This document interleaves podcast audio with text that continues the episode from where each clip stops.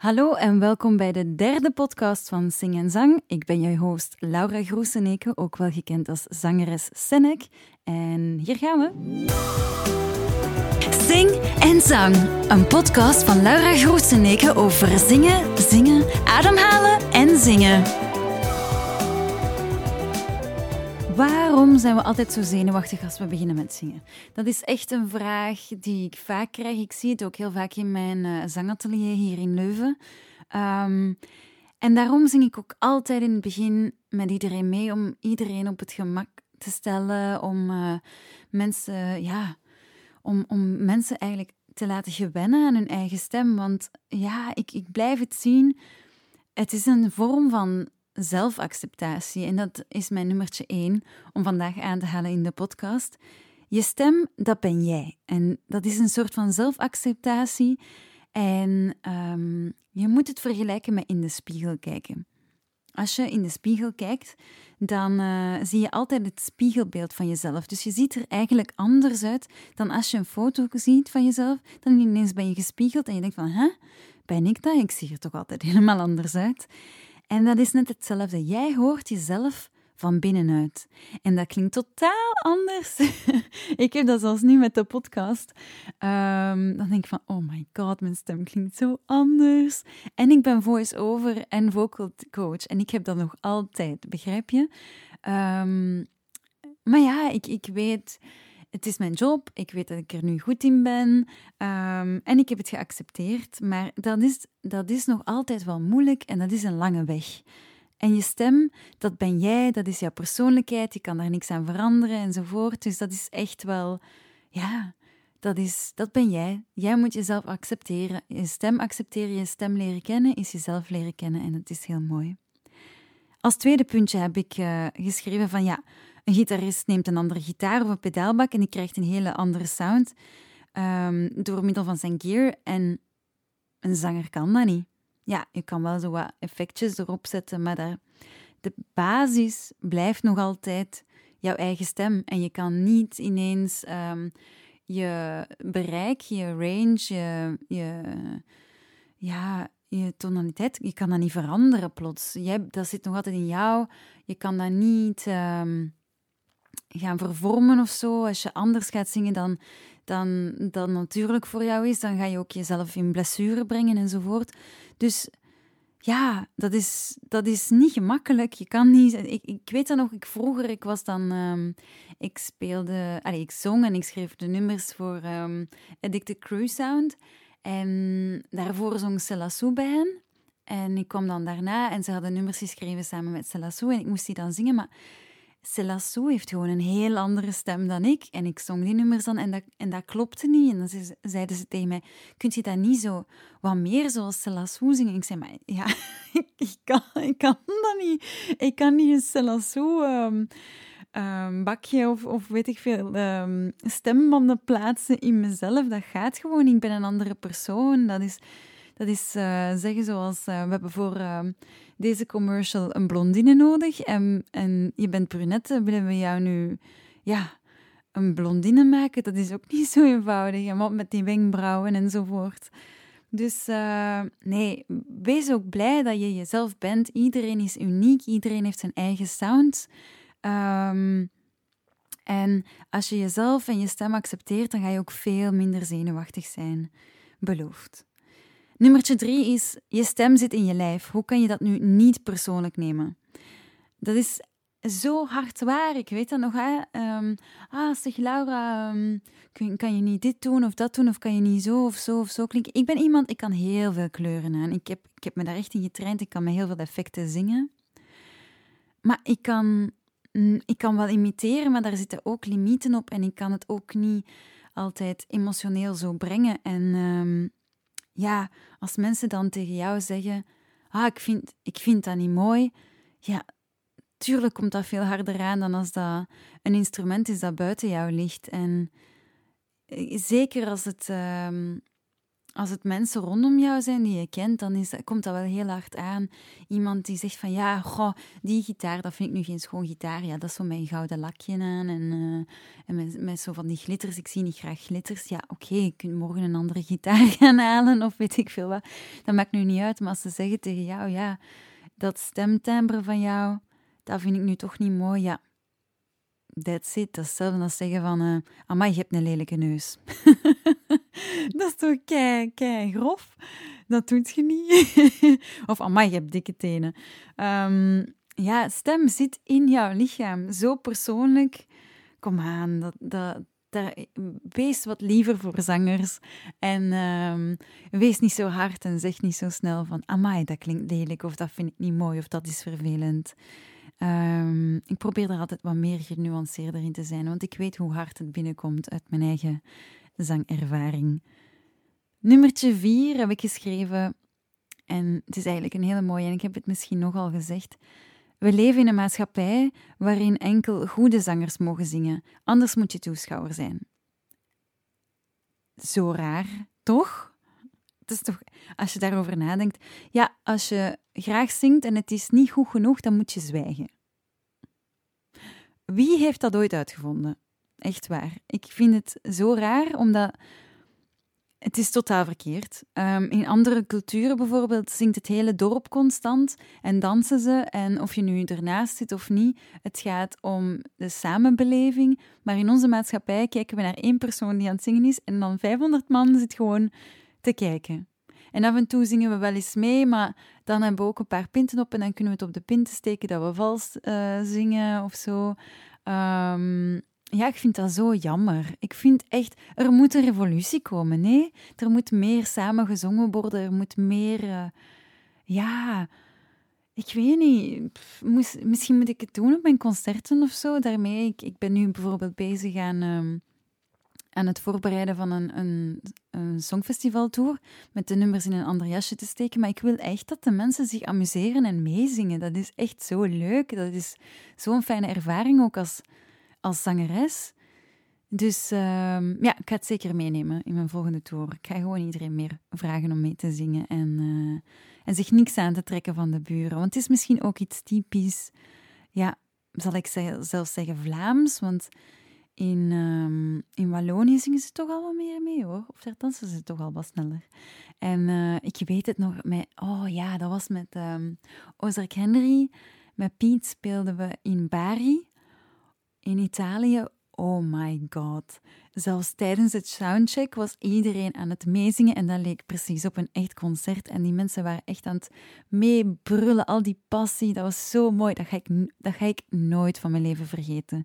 Dus um, ja, vanaf nu, als je de woorden kent, gewoon meezingen en, en je niet schamen. Ik bedoel, daar draait het toch om, zingen. Gewoon voor dat goed gevoel. Um, nummertje vijf heb ik um, dan genoteerd voor mezelf. Elke goede zanger is een natuurtalent. Wrong. Dit is de grootste mythe. Dit is echt de grootste mythe. Ik ben echt niet uit de baarmoeder gevloept en ik kon supergoed zingen. Um, ik kreeg wel complimenten als kleuter over mijn stemtimbre, over mijn stemkleur, maar ik was geen supergoede zanger, zangeres. Ik was... ik heb zelfs echt um, met heesheid uh, gestruggeld voor een lange tijd. Als ik als 14-jarige in een rockbandje begon te spe spelen en uh, tijdens repetities veel te luid en veel te lang aan het brullen was, uh, omdat ik totaal geen stemtechniek had. um, maar ik had wel een schone graad toen. maar dat is helemaal niet waar. Ik had wel aanleg en ik heb een heel goed muzikaal gehoor. Ik kan um, klanken wel snel herkennen en zo dat is wel een voordeel, maar het is niet dat ik een, um, ja, dat ik een natuurtalent had en dat ik deze stem dat ik nu heb, heb gewoon uit, van nature. Dat is helemaal niet waar. Ik moet die ook nog oefenen. Ik warm op elke dag. Um, ik ben elke dag met mijn zang bezig, buiten op vakantie, want dan neem ik vakantie. of in de weekends. Maar um, ja, ik denk zelfs dat mensen die dat harder en langer oefenen, allee, harder is misschien een verkeerd woord, maar die dat meer oefenen dan ik en die dat misschien uh, minder goed gehoor hebben of zo, dat die zelfs beter kunnen zijn technisch um, dan ikzelf. Ik, ik bedoel, soms steekt gewoon ook de harde werker het, talent of de persoon met het meeste aanleg ook voorbij. Dat heb ik vaak gezien. En dan ineens heb je zoiets van: wow, oké, alles tot nu toe ging heel gemakkelijk, maar nu moet ik wel um, van mij laten horen en moet ik wel zien wat dat ik waar ben. En vooral ook um, repeteren en oefenen, zodat ik blijf verbeteren en niet ter plaatse blijf trappelen. Dus elke goede zanger is een natuurtalent. No way. No way. Er zit zoveel hard werk. Ariana Grande, Adele, wat is het allemaal? Die zingen super hard in. Die doen stemopwarmingen. Die zijn constant bezig. Die bereiden zich voor. Um, een concertreeks is echt gelijk een marathon. Daar moet je je op voorbereiden. Je kan niet van nul naar uh, vier uur per dag uh, volle bak zingen. Dat is echt wel de grootste mythe. Dus no worries. Als je zangles volgt en je doet oefeningen, ga je sowieso vooruit en je wordt je beter. Dat is echt bewezen. Dat is zo, zo, zo normaal. Nummertje 6. Eh, het, is makkelijk, het is makkelijker om voor een groot onbekend publiek te staan dan voor een kleinere groep die je goed kent, omdat hun meningen voor jou veel belangrijker zijn. Tijdens het Songfestival bijvoorbeeld kon ik me echt, uh, het kon me echt niet schelen wat iemand online zei. Maar moest mijn moeder of moest mijn, uh, mijn, uh, mijn beste vrienden moesten die zeggen tegen mij van... Ik vind het echt slecht, slecht gezongen. Dat zou mij veel harder raken dan iemand die zegt van... Uh, amai, die stem of die vocals, die live vocals, die zijn slecht. Dan heb ik echt zoiets van, doe dit eens zelf. doe dit eens allemaal zelf. Als je op een songfestival voor 200 miljoen mensen staat te zingen, um, doe dit eens zelf en zie eens of het goed is. Ik bedoel, ja, maar moest mijn mama tegen mij gezegd hebben van Laura, het was echt niet goed gezongen, ik zou het echt verschrikkelijk gevonden hebben. En ik weet nog, ik moest hier in Leuven in het depot spelen, in de foyer. En al mijn vrienden waren komen kijken. En dat is echt een klein, klein foyertje. Daar kan zo maximum 150 man of zo binnen. Nog niet zelfs. 100 of zo, of 70, ik weet het niet. Um, en ik speelde enkel met iemand dat me begeleidde op piano. Dat was Ronnie toen. We brachten songs van Bad Circus, mijn uh, allereerste groepje waar ik uh, alle cafés mee deed.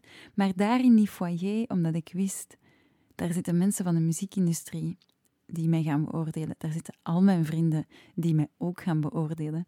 Voelde ik me zo klein en ik had echt de bibber, de bibber, de bibber in mijn stem. Terwijl als we ergens in een onbekend dorpje in een café gingen spelen, no problem. En dan deed ik zelfs riskante dingen enzovoort enzovoort. Um, omdat niemand mij toch de volgende dag kende. Dus het is wel zo dat is gewoon normaal. En dat zal ook altijd zo zijn als ik uh, morgen een heel intiem concert moet spelen en ik zit alleen achter een piano en het is voor mijn familie of, um, of voor mijn, mijn vriend zijn familie of zo. Ik, ik klap gewoon dicht. Hè. Ik heb gewoon veel meer stress dan voor een songfestival. Dat is zo normaal. Um, en daarom kan ik, um, ga ik naar puntje 7 gaan. Routine en gewenning is key. Dat is gewoon wat je nodig hebt. Je moet gewoon. Um, eigenlijk moet ik gewoon meer voor mijn familie en voor mijn vrienden spelen. En dan vind ik dat allemaal minder erg. Maar ik ben het zo gewoon om voor, grotere publiek, voor een groter publiek te spelen. Of voor, uh, ja, in een cc te spelen voor mensen dat ik niet ken. Dat het veel, veel meer routine is en ik ben het meer gewoon. Dus ik, ik stel me er ook geen vragen bij. Ik, het is iets wat ik gewoon doe en het, gaat dan veel vlotter. En ik word er dan ook veel zelfzekerder van als ik het... Uh, als ik, ja, als je voor dat ene publiek gaat spelen... Het ene publiek is ook niet het andere. Hè. Een zittend publiek is totaal anders dan een staand publiek. Um, dus geef, geef sowieso de, jezelf de kans om te groeien en, en te vergroeien van, van die stress om voor mensen um, te zingen. En zeker hier in, de zangles daarmee dat ik altijd de eerste lessen meezing om, om mijn leerlingen op, om mijn klanten op hun gemak te stellen. Omdat ze moeten ook nog, jij moet ook nog gewoon worden dat je in een ruimte hier met iemand anders die jou de tijd gaat beoordelen op jouw zangstem, iets wat in jou zit, um, om daaraan te werken. En dat, je stelt je gewoon super fragiel op. Dat is normaal. Dus, um, maar na 10, 20 lessen is dat helemaal weg, hoop ik. nee, maar dan voel ik dat mensen wel ehm, veel minder moeite hebben. En uh, dat het allemaal veel vlotter gaat. En, en, dat je niet meer zoveel nadenkt over oh, hoe klink ik nu of dit en dat. En dat je meer begint te luisteren in functie van hoe kan ik mezelf verbeteren. En dat is zo fijn als je in dat stadium geraakt. En dat, dat is echt mijn doel als vocal coach, om je daar zo, zo snel mogelijk in die, um, ja, hoe zeg je, in die drive te krijgen om, uh, om je niet te schamen en te leren luisteren naar jezelf en, en te durven gaan en te durven luide klanken maken en te durven experimenteren met je stem. Um, en dat was eigenlijk mijn puntje 8, dat ik daarom altijd meezing. Omdat mijn zangatelier moet een heel veilige omgeving zijn voor mensen. En um, ja, ik denk wel dat ik daar ergens in slaag. Um, maar natuurlijk kan dat altijd beter. Hè? Er zit altijd verbetering op. Maar uh, ik ben daar wel heel hard mee bezig. Dat de mensen die hier komen, dat die zich op hun gemak voelen. En daarmee, ik ook een, cozy zetel in mijn, uh, in mijn ruimte. En ik ga nu ook uh, nieuwe kasten kopen. Want al die rommel die moet hier nog, nog weg. Dat, die, dat het een mooie, rustige omgeving is. Wat meer plantjes en zo. En ehm, ja, dat is de bedoeling. Ziezo, uh, deze podcast zit er ongeveer op. Als je, als je ideeën hebt of onderwerpen of een vraag hebt dan voor deze podcast die je hier wilt behandeld horen, dan mag je altijd een mailtje sturen naar laura.singenzang.com. Je kan ook een kijkje nemen op mijn website voor zanglessen, voor zangcoaching. Ik raad je aan voor zangcoaching voor een uur. Je kan dat altijd eens proberen. En dat is op singenzang.com dat je die kan vinden. En als je graag mijn um, mijn bizarre filmpjes, mijn reels volgt op Instagram enzovoort, of mij een uh, direct message wilt sturen, of daar een vraag wilt stellen, of meer wilt weten, meer tips wilt weten over um, het leren zingen, dan kan je naar mijn Instagram-account gaan en dat is sing.n.zang. En dan wil ik nog even afsluiten met uit te leggen waar zing en zang vandaan komt. Ik um, zat met de eerste lockdown vast in Japan en ik moest iets doen, want ik had geen werk meer. En ik wou een website maken. En voordat ik, dat ik het wist, ik denk dat die Japanse, um, Aziatische invloeden of zo zijn geweest. Maar ik moest denken aan yin en yang. En dan mijn vriend is Engelstalig, dus ik dacht sing en zang. Dat is zo'n beetje wij hier in Japan. En dan die Aziatische uh, invloed van de yin en yang. En ook het in balans zijn en je lichaam en geest en dan door je stem. Dus vandaar kwam de term zing en zang. Dus dan ben je daarvan ook een beetje op de hoogte. Voilà. Bedankt voor het luisteren en hopelijk tot volgende week. Ik weet nog niet wat ik ga vertellen volgende week, maar eh, ik vind het allemaal mega spannend. Dus thanks. Bye.